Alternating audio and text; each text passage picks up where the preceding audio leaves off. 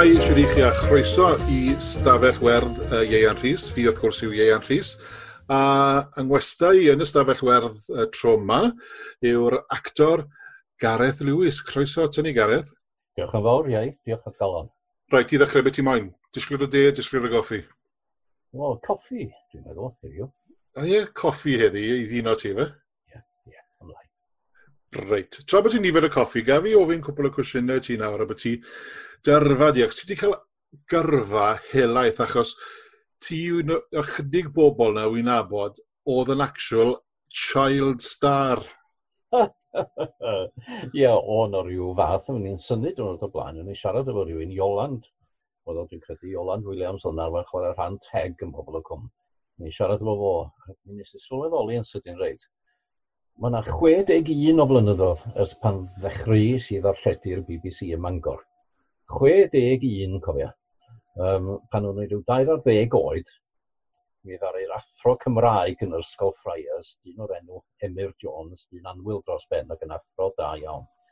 Mi ddaru o roi yn enw fi mlaen i fynd i studios y BBC ym Mangor i gyfweld am hynny o gyfer ar ryw raglen, o'n i'n gwybod be oedd y rhaglen a dim byd.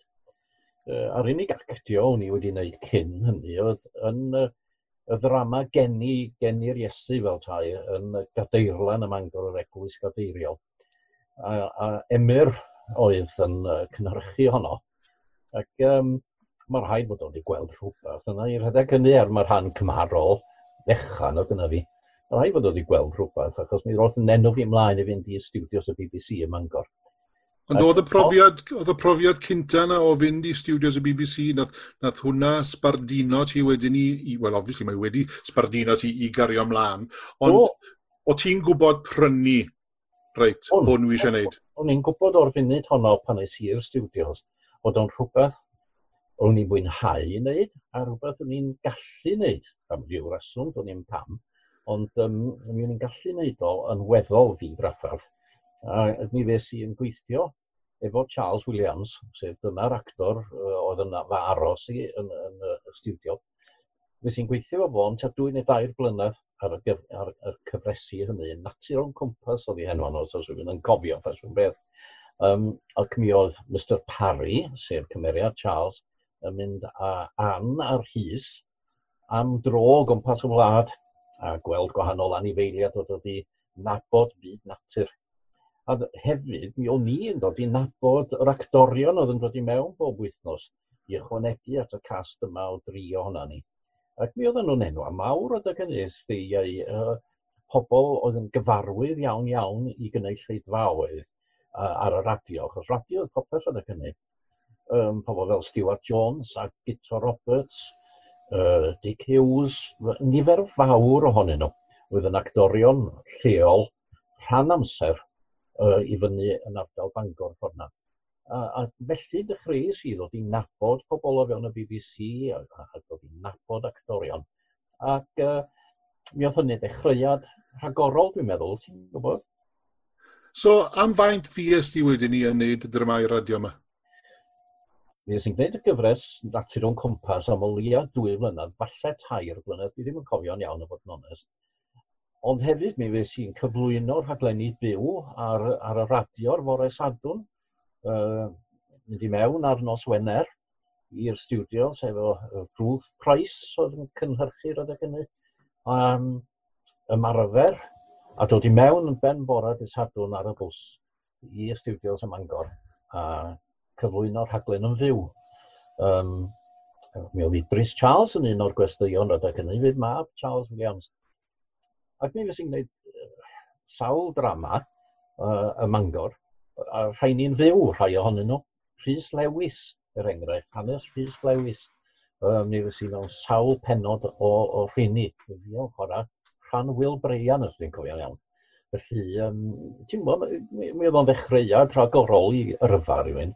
Uh, ond wrth gwrs yn rhan amser oedd rhywun ar bod rhywun yn cael ei dalu yn rhan amser oedd o beth. So, beth arall o ti'n neud wni lenwyd amser di achos daw job rhan amser oedd ar y bryd? Ie, yeah, wel, yn yr ysgol o'n i, ti'n gwybod, a wedyn nes ymlaen yn y coleg. Um, a dweud y gwir, mi oedd yn waith ysgol, ia, a'r gwaith coleg yn diodda, herwydd bod fi'n actio cymaint i'r BBC. Ac mi ddaru prifathro yn ffroeth oedd ato fi rhyw dro yn dweud, mae'n rhaid i hyn, mae'n rhaid i chi gorau i weithio'r BBC yn meddwl, ne, fe chewch chi ddim um, lefel o na'n lefel A na di byd arall. Ac mi ges i'r un rhywbeth i'n bod i fathro uh, y coleg normal pan nes i yno.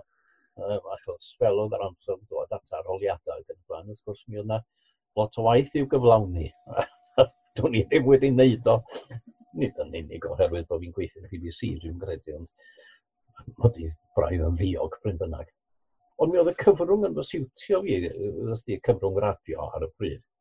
Achos dwi erioed wedi bod yn un da iawn am gofio llinella. A dwi'n siŵr bod wedi'n ffendio hynny'n anodd i gredu. Ond... Anodd iawn, Gareth. Dwi erioed wedi bod â chof arbennig o dda am linella. A dwi yn cofio enghraifft yn yr ysgol, yn ysgol Freias, yn gwneud drama Saesneg. Um, rhywbeth gen William Golding o fi, y Brass Butterfly. A fi o'n i'n chwarae rhan Caesar, ac yn rhan eitha mawr sy'n bod lot o waith. A dwi'n cofio'r noson cyn y perfformiad ar ôl y dress rehearsal o. Mr Wood yn dod ata fi a'i ben yn ei ddwylo yn dweud, Lewis, when are you going to learn these lines? a, a, a, rhyw, rhyw berfformiad felly o'n i gorfod i roi bob amser. O'n i'n yn sgipio am beth i dudalen neu rhywbeth felly. A mi ddigwyddodd hynny nes ymlaen i mi hefyd, achos mi fes i'n gweithio um, rhan amser eto efo cwmni Theatr Bangor, cwmni drama Bangor, um, efo uh, nifer o actorion lleol. A, a dwi'n cofio gwneud um, rhyw ddrama a sgipio tair tudalen gyfa heb gweddoli hynny ac anghofio talu am ryw lun gwyliwch y paent oedd y drama, a mes i oedd ar y llwyfan heb dalu am y llun o'n i newydd brynu na dim byd. Dwi'n ddim sut oedden nhw'n nioddau fi a dweud y byd. Ond pryd, pryd oedd y caff mawr wedi ni te o, o radio, a nifer o ddramau a rhaglenni radio i fyd y teledu? O ti dal yn ifanc prynu? O, no, ni'n dal yn, yn y coleg. Um, 1965, dwi'n credu oedd o, mi ddaru'r BBC benderfynu gwneud cyfres ddrama uh, i'r teledu o chwalfa. O, mae yna rhywun yn gwerthu hufen ia o gwmpas y crem o'i dweud, dwi'n ti'n clywed. O, na fe, dyr 99 i fi te. Um, Ie, yeah, chwalfa ym 1965 oedd y teledu cyntaf i mi wneud, tra o'n i'n y coleg. Um, mi hwnnw'n dipyn o brofiad uh, ymarfer am tua tair wythnos o flaen llaw, achos dim ond gyda'r nos oedd yr actorion yn medru dod at gilydd i ymarfer, achos o'r rhan fwyaf ohonyn nhw yn gweithio, yn athrawon ac yn y blaen, ac yn dod at ei gilydd uh, tua chwech neu saith o'r gloch yn nos i ymarfer. Ac mi oedd hi'n cymryd tair wythnos i ymarfer un rhaglen hanner awr. Siw, siw. Dim dod lawr i Gaerdydd i recordio, a um, recordio yn Broadway ar ydych hynny. Um, ac mi oedd hynny'n dipyn o brofiad um, actio hefo nifer o actorion da iawn iawn roedd y Cymru. achos oedd yn hwtha hefyd yn rhan amser, wrth gwrs, ti'n gwybod, oedd ni gyd yn rhan amser. Dim ond yn nes ymlaen ar ôl mi adael coleg a mynd i weithio i'r DHSS yn Gynarfon, uh, y daeth cyfle i droi'n llawn amser proffesiynol. A sy'n mynd i wedyn ni lawr i Gyrdydd yn syth? Yy, bron iawn yn syth do. Um, mi fes i am rhyw flwyddyn, os na dwy flynedd, yn teithio o'r gogledd i'r de. Ond do gynnon ni ddim ffôn adre yn Gynarfon, o'n i wedi priodi ar y pryd. A do gynnon ni ddim ffôn, ac felly trwy gyfrwng llythyra o'n i'n derbyn y gwaith gen y BBC. Um, mi oedd yng Nghymraeg i ar y pryd wedi gweld adfod yn y Cymro yn dweud fod y BBC yn chwilio am actorion proffesiynol llawn amser. Ac mi mes i eto rhyw fath a'r tro cyntaf e-, efo uh, waith radio, mi mes i am gyfweliad i Fangor. A Wilbert Lloyd Roberts a George P. Owen a cwpl o bobl eraill oedd yn cyfweld. A rhywsyd i gilydd, um, mi, mi ges i gyfle i arwydd o cytundeb llawn amser uh, fi a Becky Plycnet um, gafodd y, y swydd yr adeg hynny. Dwi'n ni'n pam fi, fe drai ddim dweud, ond dwi'n digwydd bod yn siwtio yma'n debyg. A'r peth cyntaf proffesiynol nes i erioed o cyfres o'r enw deg i dragwyddoldeb. Hanes rhyw griw o bobl ifanc uh, gan gynnwys Vicky Plycnet a'r diweddar mae'n ddrwg i ni ddweud Glyn Weldon Banks yn chwarae rhan uh, brawd i ni. Ac uh, mi gawson ni hwyl lawr yn Aberteifi, yn Sir Aberteifi, yn recordio uh, stwff yma. Um, yn dipyn o brofiad i hogyn ifanc. So, wi, neu fod yn onest o ti'n ar, y peth cynta wi'n cofio ti'n neud yn iawn. Wel, oedd doi beth y gweud y gwir, a pan o'n i'n uh, lot ifancach hefyd, cyfres drama nes di gyda Ryan Davies yn ware prifathro, yeah. a hefyd bys ti'n cyflwyno raglenni ysgolion gyda Iris Britain? Do, do. Um, dwi'n trio cofio enw uh, uh, rhaglenni ysgolion nes i hefo uh, Eirlis ac yn o bryd a dwi'n dwi methu. Ond, um, wi, wi jyst yn cofio'r ddoen o'ch chi'n eistedd stolion a wneud eich darnau i'r camera. Ie, yeah, ac mi oedden ni'n gorfod i dysgu nhw, dysgu'r darnau hynny, achos oedd port y prompt ddim wedi dod i mewn, Oedd ti'n cael darllen yn stwff o rhaid i ddysgu o ac mi fydda hirle taw fi'n trigio oriau yn y car yn yn tros y llinellau yma yn gilydd am mwyn trio dysgu nhw. Ac mi, mi oedd hynny'n brofiad da iawn iawn, gwneud rhywbeth gwahanol i ddrama um, a, a hynny ar deledu. Um, mi oedd yn brofiad da iawn, oedd. Nes i fwynhau hynny fawr iawn. Ond penny, penny denyn oedd y gyfres nes i dy Ryan, ie? Oedd y gyfres nes i efo um, Ryan Davies, ie. A, a chydig feddylis i, ymhen rhyw chydig fisoedd ar ôl gorffen y gyfres yna efo Reian, y bydda fo wedi'n gadael ni. Achos uh, dim ond mater o fisoedd oedd o tan ddario fynd i America a, a fi o farw yn ond o. Ond be wy'n cofio am hwnna hefyd, Gar, o ti'n... O ti beth yd oed i? O ti yn dy geiniau prynu? O, o, o. A ti'n ware plentyn ysgol? O. Dwi'n pam oedd wedi... Mewn shorts. Ie, yeah, ddim coet mewn short boys, dwi'n credu. Na, wni ti 28 neu rhywbeth felly pan oedd pawb arall o'n hwmpas unrhyw rhywun ar bymtheg. Um, Os mi oedden nhw'n defnyddio yn y gyfres, ond lot o, lot o actorion lleol o'r ysgol, uh, sef, sef sail yr holl beth. Um, ac mi rhwysyn i gilydd, nes i rwyddo i gael get away efo i fel tai, ti'n gwybod, achos mae'r rhaid mod i'n edrach yn gymharol ifanc. Ond mae rhaid bod ti gair. Ti dal yn nawr chan. hmm. Ond ti'n bod, uh, wrth gwrs, mae bobl uh, yn nabod ti bellach. Wrth gwrs, fel uh, Mike Pierce, yeah. uh, dyweddar Mike Pierce, uh, pobl y cwm. A fi ysdi na reit o'r dechrau mwyn y lai, yn do fe?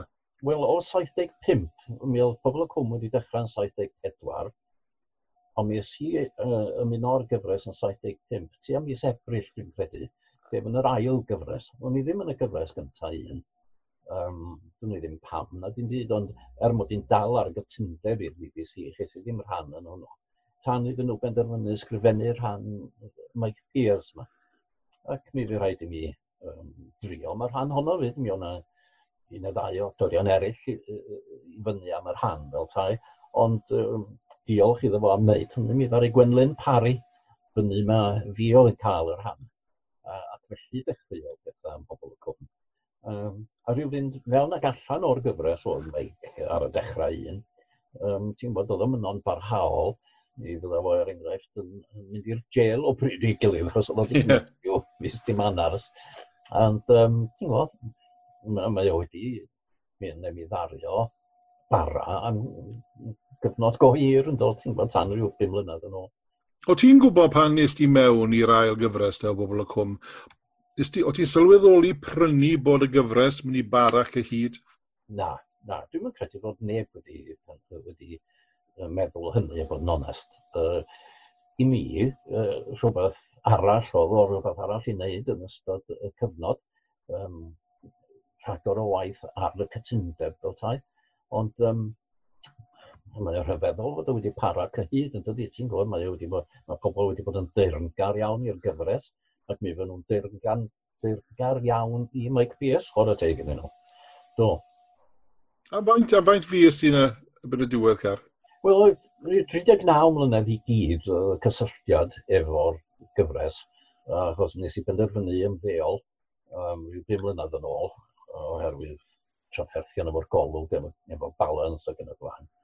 Ond um, ar ôl 20 mlynedd neu un mlynedd ar 20, mi nes i benderfynu rhai gorau i'r gyfres. A mynd ymlaen i wneud rhywbeth arall. Ar, ar hyn nes i oedd sgrifennu'r gyfres. Nes i'n sgrifennu sgriptiau i bobl y cwm am gyfnod o tua tair blynedd, os dwi'n cofio'n iawn. Um, a chyfrannu yn y ffordd honno, felly nes i ddim colli cysylltiad efo'r gyfres yn llwyr, uh, er mod i wedi rhoi gorau actio fel Mike Pierce yn ni. Um, ac wedyn, uh, mi fes i yn gweithio ar gyfresu eraill, achos o'n i wedi dod o ddar gytundeb erbyn hynny. Nes i'n gweithio ar rhywbeth yn y gogledd, sy'n chwarae rhan gŵr Olwen Rhys yn y gyfres sy'n dal i fodoli ar hyn o bryd. ond lle'n cofio enw ar hyn o bryd, ie, beth, beth enw i beth yn y gogledd yna. Round around? Ie, yeah, round around, ie. fes i ar yeah, am, am gyfnod o, o, o hanner blwyddyn, tri chwarter blwyddyn.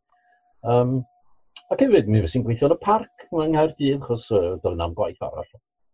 A mi nes i uh, weithio yn y parc dros y geia a'r haf, uh, a dod yn dros nifer o gymeriadau diddorol iawn iawn, trefor y tramp, yn o mi oedd o, yn, yn dod i'r parc bob bora efo hotel, mewn rhyw fag ac yn y blaen, ac o erbyn amser cinio, mi fydde fo'n druan a fo'n yn, yn, eitha meddw, yn feddw bost ac mi oedd rhaid i mi helo orno, achos oedd o'n dechrau rhegi ar y merched ac yn y blaen, oedd yn dod i chwarae bowls hwnna.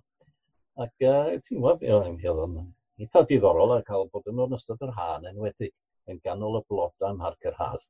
Oedd o'n newid llwyr i mi o ran cyfeiriad gwaith. Ond wrth gwrs, oedd o'n talu cystal na goedd. Na, ond beth, beth oedd ymateb bobl oedd yn, oedd yn nabod ti yn gweld ti yn y parc? Beth oedd ymateb nhw? Achos fi'n gwybod bod lot o actorion pam nhw'n gwneud jobs eraill. Yeah. Um, bod, er enghraifft, wy'n wy gweithio pan uh, wy ddim yn actor, wy'n diddannu twristiad yn Castell Cardydd. Ac yn aml iawn, mae bobl yn dylan at y fi wedi Cymru Cymraeg, wrth gwrs, yn gweud, o, oh, hwn i chi wneud nawr i fe. yeah, o ti'n cael ymateb fel yna? Ie, yeah, mi oedd yn digwydd, ddim yn aml iawn iawn y marc yr haff am ryw reswm, dwi'n yn gwybod yna tra cynulleidfa eitha gwahanol, ti'n gwybod, Saesnig oedd yn dod i marc yr haff fel arfer, ond mi oedd ambell un o hyd yn oed o'r Saeson, oedd yn dweud, o, what dwi'n hir. Um, achos mi oedd yn hwn dilyn pobl o cwm, ti'n gwybod, yn rheolaeth, ac uh, yn, yn gwylio hefyd o'r subtitles erbyn hynny, de, ti'n cofio hynny. Ac uh, Na, mi, mi, mi, nes i fwynhau'r profiad o weithio yn y parc, mi oedd yn wahanol, ond fel o'n i'n dweud, mi oedd y cyflog yn sal, a pan oedd um, Terry Dudgen Jones yn cynhyrchydd, mi oedd e o benderfynu, o, dwi'n mynd i gael Mike Pierce yn ôl os gallai. A mi ges i alwad ffôn yma yng Nghaerdydd yn uh, gofyn os o'n i lecio dod yn ôl. Nes i drafod y peth o wahan o'r rhaid gan Ia iawn oedd yr ateb yn y diwedd, mi nawn ni o ta a mi ddechreuodd hynny ar gyfnod arall o 20 mlynedd bron. Wel ie. Ond on ti'n gwybod ers 1975, Mike Pierce wedi cael gymaint o storylines gwahanol. Os, os un storyline yn sefyll mas o achos bod yn storyline arbennig o dda, a os storyline arall yn aros mas achos bod e ddim cystal storyline. Ie, yeah, oes, oes, mae mae, mae, mae sawl stori yn dod i'r cof, dwi'n gwybod. Mi fydda Mike yn gwneud bod math o ryw driciau, a mi fydda'n trio gwerthu peis ac yn y blaen i'r um, i'r deri fydda hynny, achos o Reg Harris yn edrych ar ôl y deri. Ond dwi'n meddwl mae'r stori, na'n fwy argraff yna fi, oedd y stori um, fwy diweddar, sef colli'r babi bach um, mi oedd Nia Caron a fi yn uh, chwarae rhan gŵr a graig, a mi oedd Nia, felly Anita, uh, yn disgwyl babi bach, ac mi gafodd ei enni, ond mi ddari'r rogan bach uh, farw o fewn chydig oriau gael ei geni. Ac um, mi, mi ddari hynny wneud argraff yna fi a ni. Oedd yn stori mor drist, ac yn stori real iawn iawn. Stori real i lot o bobl yng Nghymru. Yym, a yn rhyfedd iawn, mi, mi ddigwyddodd y stori yn ystod y gaeaf pan oedd hi'n eira eitha trwm o gwmpas y lle. A'r, dewi, yr enw oedd yn hwd i ddewis y pobl cwm oedd Caryl. Oedd yn enw iawn, ti'n gwybod, i'r ferch bach. Ond mi nes i awgrymu wrth ni a. Fe fydda neis, fydda galw'r ferch bach yn eira achos mae'r eira yn wyn ac yn dyr, fel oedden ni'n dychmygu oedd y ferch fach yma, ti'n gwybod. Yeah. Ac um, mi ddari pobl y cwm o chwarae teg, nhw'n dderbyn yr enw ac eira uh, fi o'r ferch fach. O, oh, waw. Yeah.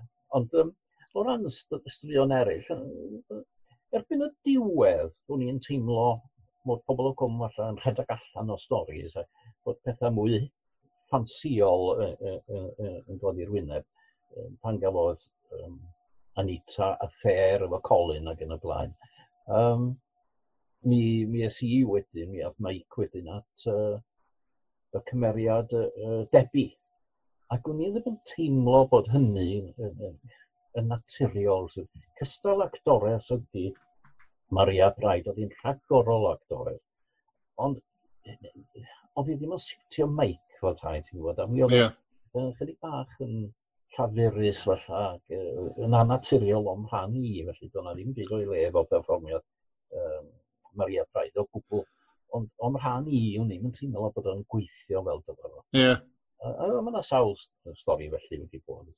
Ond to, o bore teg, bore teg i ti hefyd, Gar, ti'n bod, um, to, ti'n help mawr i actorion ifanc uh, pa maen nhw'n dod mewn, yn wedi gyr actor um, nath ware Sergeant James yn y gyfres am gyfnod.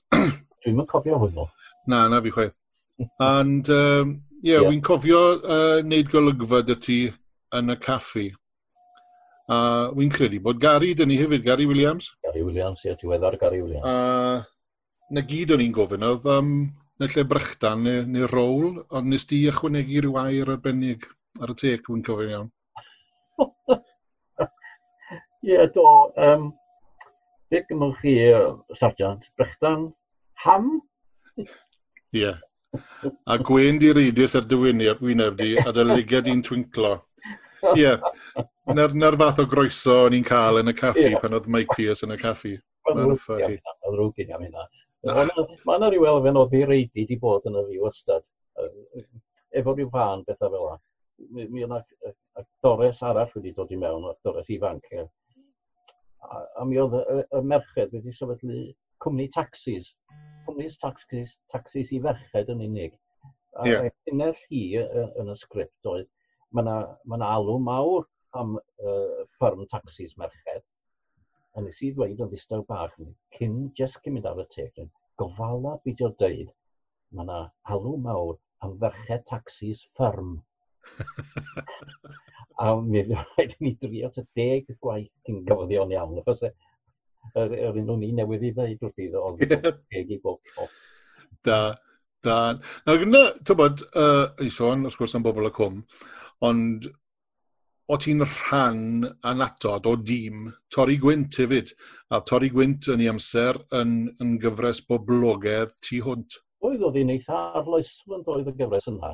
Uh, o'n i ddim sydd ges i'r rhan yna. Uh, o'n i wedi dod oddi ar gytundeb efo'r BBC ac felly'n rhydd i weithio HDB ac am ryw reswm mi oedd um, pennaeth yr adran blant, uh, Mae'n ffen ymwneud gofio enw ar y funud, uh, oedd adran blant, doedd. Uh, Peter Elias? Peter Elias Jones, ia. Uh, mi oedd yn eitha hoff o hwnna fi, ac uh, mi ddario gynnig rhan i mi yn, yn, uh, torri gwynt. Uh, a wrth gwrs mi, mi oedd rhywun yn cael cydweithio efo Dewi Pws, o'n i wedi cweithio efo Dewi y mhobl y cwm cynt mi wedi gweithio efo William Hugh Thomas cynt. A um, ni a, ddim ni a Caron, oedd ni a Caron yn newydd i mi rydych hynny. Ond buan iawn ddeithon ni nabod yn gilydd. A, a dwi'n meddwl, creu cyfres eitha arloesol, a mae'r diolch am hynny yn benna i Mr Prothero, dwi'n credu, Ronw Prothero. Uh, fo oedd sbardyn tu cefn i'r gwbl. Uh, ti'n bod fo oedd ei hiwmor arbennig iawn o uh, fod yn gyfrifol am yr holl beth. A, a dwi'n meddwl mae fod ar un sbarduno ni gario ymlaen. Mm. Achos, ti'n bod, wnaethon nhw ddyngos, neu ail ddyngos nhw, ddim yn hir yn ôl nawr ar S4C, a wy'n cofio gwylio a werthin. Yeah. A mae hwnna'n gweud lot wy'n gwir credu os ti'n gallu edrych nôl ar, ar gomedi So, yeah. fi'n gwybod dyddi yma, so, mae Dad's Army y Morecambe and Wise, wy yeah. dal yn werthu'n ar hynna nawr. Yeah. Ond, ti'n bod, a i fod yn onest, hyd yn oed rhywbeth fel fo a fe, ti'n edrych nôl, a dyw, dyw lot o'r comedi felly ddim yn gweithio bellach, ti'n bod? Ond gyda Torri Gwynt, nes i edrych nôl yna fe, a nes i werthu'n lot. Ie, yeah, do, do, mi oedd o'n arlysol ar y pryd, e, a mi oedd o'n glyfar iawn iawn, mi oedd y tricio teledu oedden nhw'n gallu wneud yn dda, mi oedd dewi wrth gwrs ar, ar ben i ddigon yn, yn gwneud y pethau yma ac oedd yn tan un drwg am adlybio a newid pethau ar y funud ola. A mi oedden ni'n trilio oriau yn, yn, chwerthin, ar y ti'n gwybod, mi oedd yn gyfnod hapus iawn iawn yn mywyd i, mi o'n i yn mwynhau gwneud y gyfres. Er nad oedd gynnau i ddim prif ran yn y peth, mae'n ran o'n i'n chwarae yn y peth.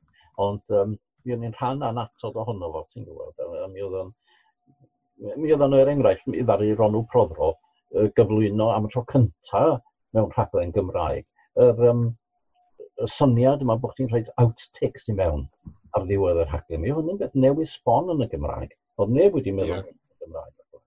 A, a hwnnw'n beth da iawn iawn.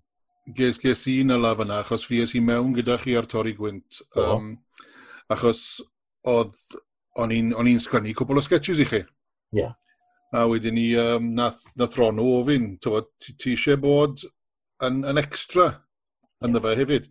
Yeah, so, tywod, o'n i mas o waith, o'n i'n meddwl, ie, yeah, gret, joio, tywod. A fi'n cofio un o pethau cynta dra fi'n neud oedd rowlo ar y llawr trwy prynawn yn cusanu ni a Caron yn oh. uh, Chemical Gardens. Ie, yeah, peth ofnadwy o'r fod wneud. A cael yn halu ymwneud, cofio? Wel, ie, dwi'n gwybod, dwi'n gwybod. Ond gyda'r outtakes, fel fi'n cofio ni wario Little John neu rhyw sketch Robin Hood. Yeah. A ni'n goffod uh, eistedd ben y golfen yma gyda yeah. bwa saith a wedi'n jwmpo lawr a wedyn seithi'r saith o'r bwa. Yeah. Wel, ti'n meddwl allan ni'n neud? Oedd e mor, mor embarrassing. Ond o'n i'n meddwl ar y pryd, na fe, to extra o'n i, yeah. angofio amdano fe. Yeah. Ond wrth gwrs, pan oedd y raglen mas, yeah. yr outtakes ar y diwedd, yeah fyna o'n i yn neud ffwl o'n unan yn jwmpo off o goeden gyda'r gyda bwa saith. Ond, uh, na, oedd yn gyfnod da, oedd yn gyfnod oedd yn lot, lot fawr o hwyl. Oedd yn amlwg bod chi'n ped, chi'ch pedwar yn gweithio'n dda ydych gilydd i fi. oedden ni'n gweithio'n dda, mi oedden ni'n dîm eitha da, dwi'n credu, a, a mi oedden ambell un yn sgrifennu hefyd. Mi oedden ni'n gwneud cyfres arall, sef rhagor o wynt, oedd yn deillio allan o torri gwynt. Ac yn ges i'r cyfle oedd y gynnu, sgwennu rhyw dair neu bedair o benodau i'r gyfres rhagor Owen. A nes i wynhau gwneud hynny'n fawr iawn iawn. Um, ond o dewi'n ddrwg wrth gwrs pan, pan nes i sgrifennu y sgript gyntaf, um, mynd i'r darlleniad, mi oedden nhw wedi gwneud efo'i gilydd, dwi'n credu, i beidio chwerthin o gwbl yn ystod yr A beth wedodd dewi ar ddiwedd, ddiwedd y darlleniad, darlleniad oedd Ie, ie, fydd yn iawn unwaith rwy'n i'r ffynnu lines i mewn. Diawl y drwg oedden nhw. Yeah. So, nes i sôn gyda fach, tywod, am tywod, penderfyniad o ymddeol yeah. a, a gadael y byd actio ar ôl. Oedd e'n benderfyniad anodd i ti? Oedd mi oedd o, achos mi o'n i'n wastad wedi mwynhau beth o'n i'n neud. Dwi'n teimlo wedi bod yn eithriadol o lwcus i gael gwneud rhywbeth o'n i'n fwynhau i wneud am fel gyrfa. A mi oedd o'n... Ond y broblem oedd fod yng ngolwg i a fy malen sydd wedi mynd mor sal ebyn y diwedd. Um, mi o'n i'n ffendio fo chydig bach yn embarrassing a bod yn onest. Mm -hmm. Er bod nhw'n creu sgriptiau mwy mi o ran maint, ffont ac yn y blaen, o'n i'n dal i gael traffa darllen rheini. Ac ambell dro, wrth gwrs, mi oedd y sgript editor yn dod i mewn a dweud, oedd ni wedi newid hon ac yn rhoi sgript omlaen i oedd yn llai, a fedrwn ni ddim o'i darllen ni. Rhywun arall yn gorfod darllen yr rhan. Eh, ti'n bod erbyn y diwedd, mi o'n i'n teimlo mor embarrassed am hynny, o'n i'n teimlo mae'r rhaid i roi gorau i rwan. Plus y ffaith bod y malans sydd wedi mynd yn sal. A, a, a, dyna oedd ei gyfri pam. Yeah. Doedd gen dewis mewn difri yn y pen draw. So beth oedd y mateb y BBC pan ysdi wedi bod uh, ti am roi'r gorau i Mike? Mi, mi oedden nhw'n deall, mi oedden nhw'n deall, oedden, um, dwi'n credu bod nhw wedi sylweddoli yn naturiol, ti'n bod mod i'n cael traffaeth efo'r sgriptiau ac yn y blaen. Um, fel ti'n gwybod ie, mae ma, ma gweithio fewn byd teledu yn gofyn am fod dyfod ti'n medru taro dy farc fel tai, e, ti'n fod yr union, stopio yn yr union le. Ie. Yeah. Cofio di, wy'n abod lot o actorion, a sy'n byd yn bod ei golwg nhw sy'n fel i wneud hwnna. Wel, mae'n bosib iawn. Ond mi o'n i'n cael trafod. Fedrwn ni ddim taro'r marc ydyn y diwedd. A, a dwi'n deddol o, o gerdded, fel tas ni wedi meddwl, dwi'n siŵr yna lot o bobl yng Nghymru yn meddwl, oh, mae'n wedi meddwl eto. Ond ti'n bod dwi yn ymddangos fel dyn meddwl, a dwi'n trio cerdded mewn llunau'r syth. A, mae hynny'n embarrassment yn ynddo i hun. Ond does am byd edrych yn wneud am y peth, mae jyst yn balans i wedi mynd. Yn hollol. Ti'n ti mwynhau dy ymddeoliad wyt ti? Ydw'n fawr iawn iawn. Ydw'n uh, cyfarfod am ambell i ffrind yn y caffi lawr yn uh, tyllgoed yn un. Ie. Yeah. Cael am ambell i goffi efo nhw. Ac um, byddwn ni'n allan am gyrru o bryd i gilydd, byddwn ni ddim. Uh, Byddwn, byddwn, joio. Ond wedi gorfod dod i stop oherwydd y uh, Covid, mae'n wrth gwrs, ond dyna fo, o'n i ail gychwyn rhyw dro. Fi daw hael ar fryn, Gar. Wel, hollol. Right, cyn, cyn, cyn cwpla, mae dy fi bimp cwestiwn cloi fan hyn. Wy'n gofyn i bawb y pimp cwestiwn arbennig yma. Yeah. So, wy'n mynd i ofyn nhw'n gloi ti nawr, a wedyn uh, just i'r ateb i bob un. Rif un yw, pa ffilm neu raglen dyledu bys ti di lico bod yn rhan ohoni? Unrhyw ffilm neu raglen dyledu, pa un bys ti yn cael dewis i fynd fod yn rhan ohoni? Wel, uh, dwi ddim yn un garw am ffilmiau um, ar ryw reswm. Ond um, gymryd yma teledu yn y cwestiwn, Dad's Army. Swn i wedi hoffi bod yn rhan o Dad's Army, maen nhw'n wych. Oedden nhw'n Reit e, pa actor bys ti wedi, wedi licio gweithio yna? Dwi wedi, dwi wedi cael y cyfle i ymddangos bod sawl actor um, cymharol enwog, gofo fel, bod, um, a... Y mor enwog yn i? Y ffilm Madoc. Ffilm Madoc. Dwi'n ddim ddangos efo fo. Dwi'n edmygu fo yn fawr iawn iawn. Ie. Ond, um, ie, yr actor nes i gyfarfod a, a cydweithio o sawl gwaith, mae'r Edwin Edwards. A, reit. Um, mi oedd o'n dipyn bach o arwr i mi, oherwydd mi, mi ddario ddod yn llywydd equity yng Nghymru. Ac ah, reit. mi oedd o'n ymroi y gwaith hwnnw'n llawn, chwarae teg, mi oedd yn help mawr pan oedden ni'n trio sicrhau cytundeb efo S4C pan ddari S4C ddod ar, ar, ar y sîn. Mi ddari weithio'n galed o'r deg hynny. A dwi'n meddwl na fo right. yw'r actor sydd wedi gwneud argraff fwyaf na fi. Nawr te, tas y ti'n cael byw yn rhwle o'n i bai am Gymru, ble fes y ti'n byw? Dwi'n hoff iawn o'r mynd i ynysoedd Sbaen, um, Mallorca a Ibiza gan y blaen. Dwi'n credu mae rhywle am fanno byddwn ni'n licio. Yeah. I'r tywydd twym. Ie, yeah, yeah, dwi'n hoff o, o dywydd twym. Dwi'n dwi mwynhau. Ydw. Nawr te, wi mynd i fynd at i mas gar am bryd o fwyd, right? A ti sy'n cael dewis ble, a wi eisiau gwybod pam. Right. Wel, dwi, dwi, dwi awgrymu'r peth yn barod. Dwi'n hoff iawn o fwyd Indiaidd. Ac mi fyddwn ni yn mynd i unrhyw unrhyw le sy'n uh, sy'n syrfio bwydydd Indiaidd. Da ni wedi bod mewn sawl un yn do i Evangelion. Do, ni wedi bod yn sawl i ro'n gyrdydd me. Ac uh, dwi'n wastad yn mwynhau nhw. Mwy na lai yn cael yr un bwyd bob tro, mwy na lai, ond o leia mae rhywun yn medru cymharu wedyn, dydy cymharu sut mae o'n blasu ac yn y blaen. A, a, a dyna fyswn i'n neud, ia. A'r cwestiwn ola te, beth yw dy gyngor di actor ifanc sy'n ar fi'n dechrau neu newydd ddechrau yn y busnes? Wel, uh, nid fi ydy'r person gorau i ateb y cwestiwn yna, achos trwy look a, uh, dwi wedi dod i mewn i'r busnes o uh, mwy na dim byd, a, a dwi ddim wedi mynd i goleg drama. Ond swn i'n dychmygu sa gorfod mynd i goleg drama erbyn heddiw yn holl bwysig. Fel bod ti medru ehangu fy orwelion ac ehangu dy allu um, yn gwahanol ffyrdd.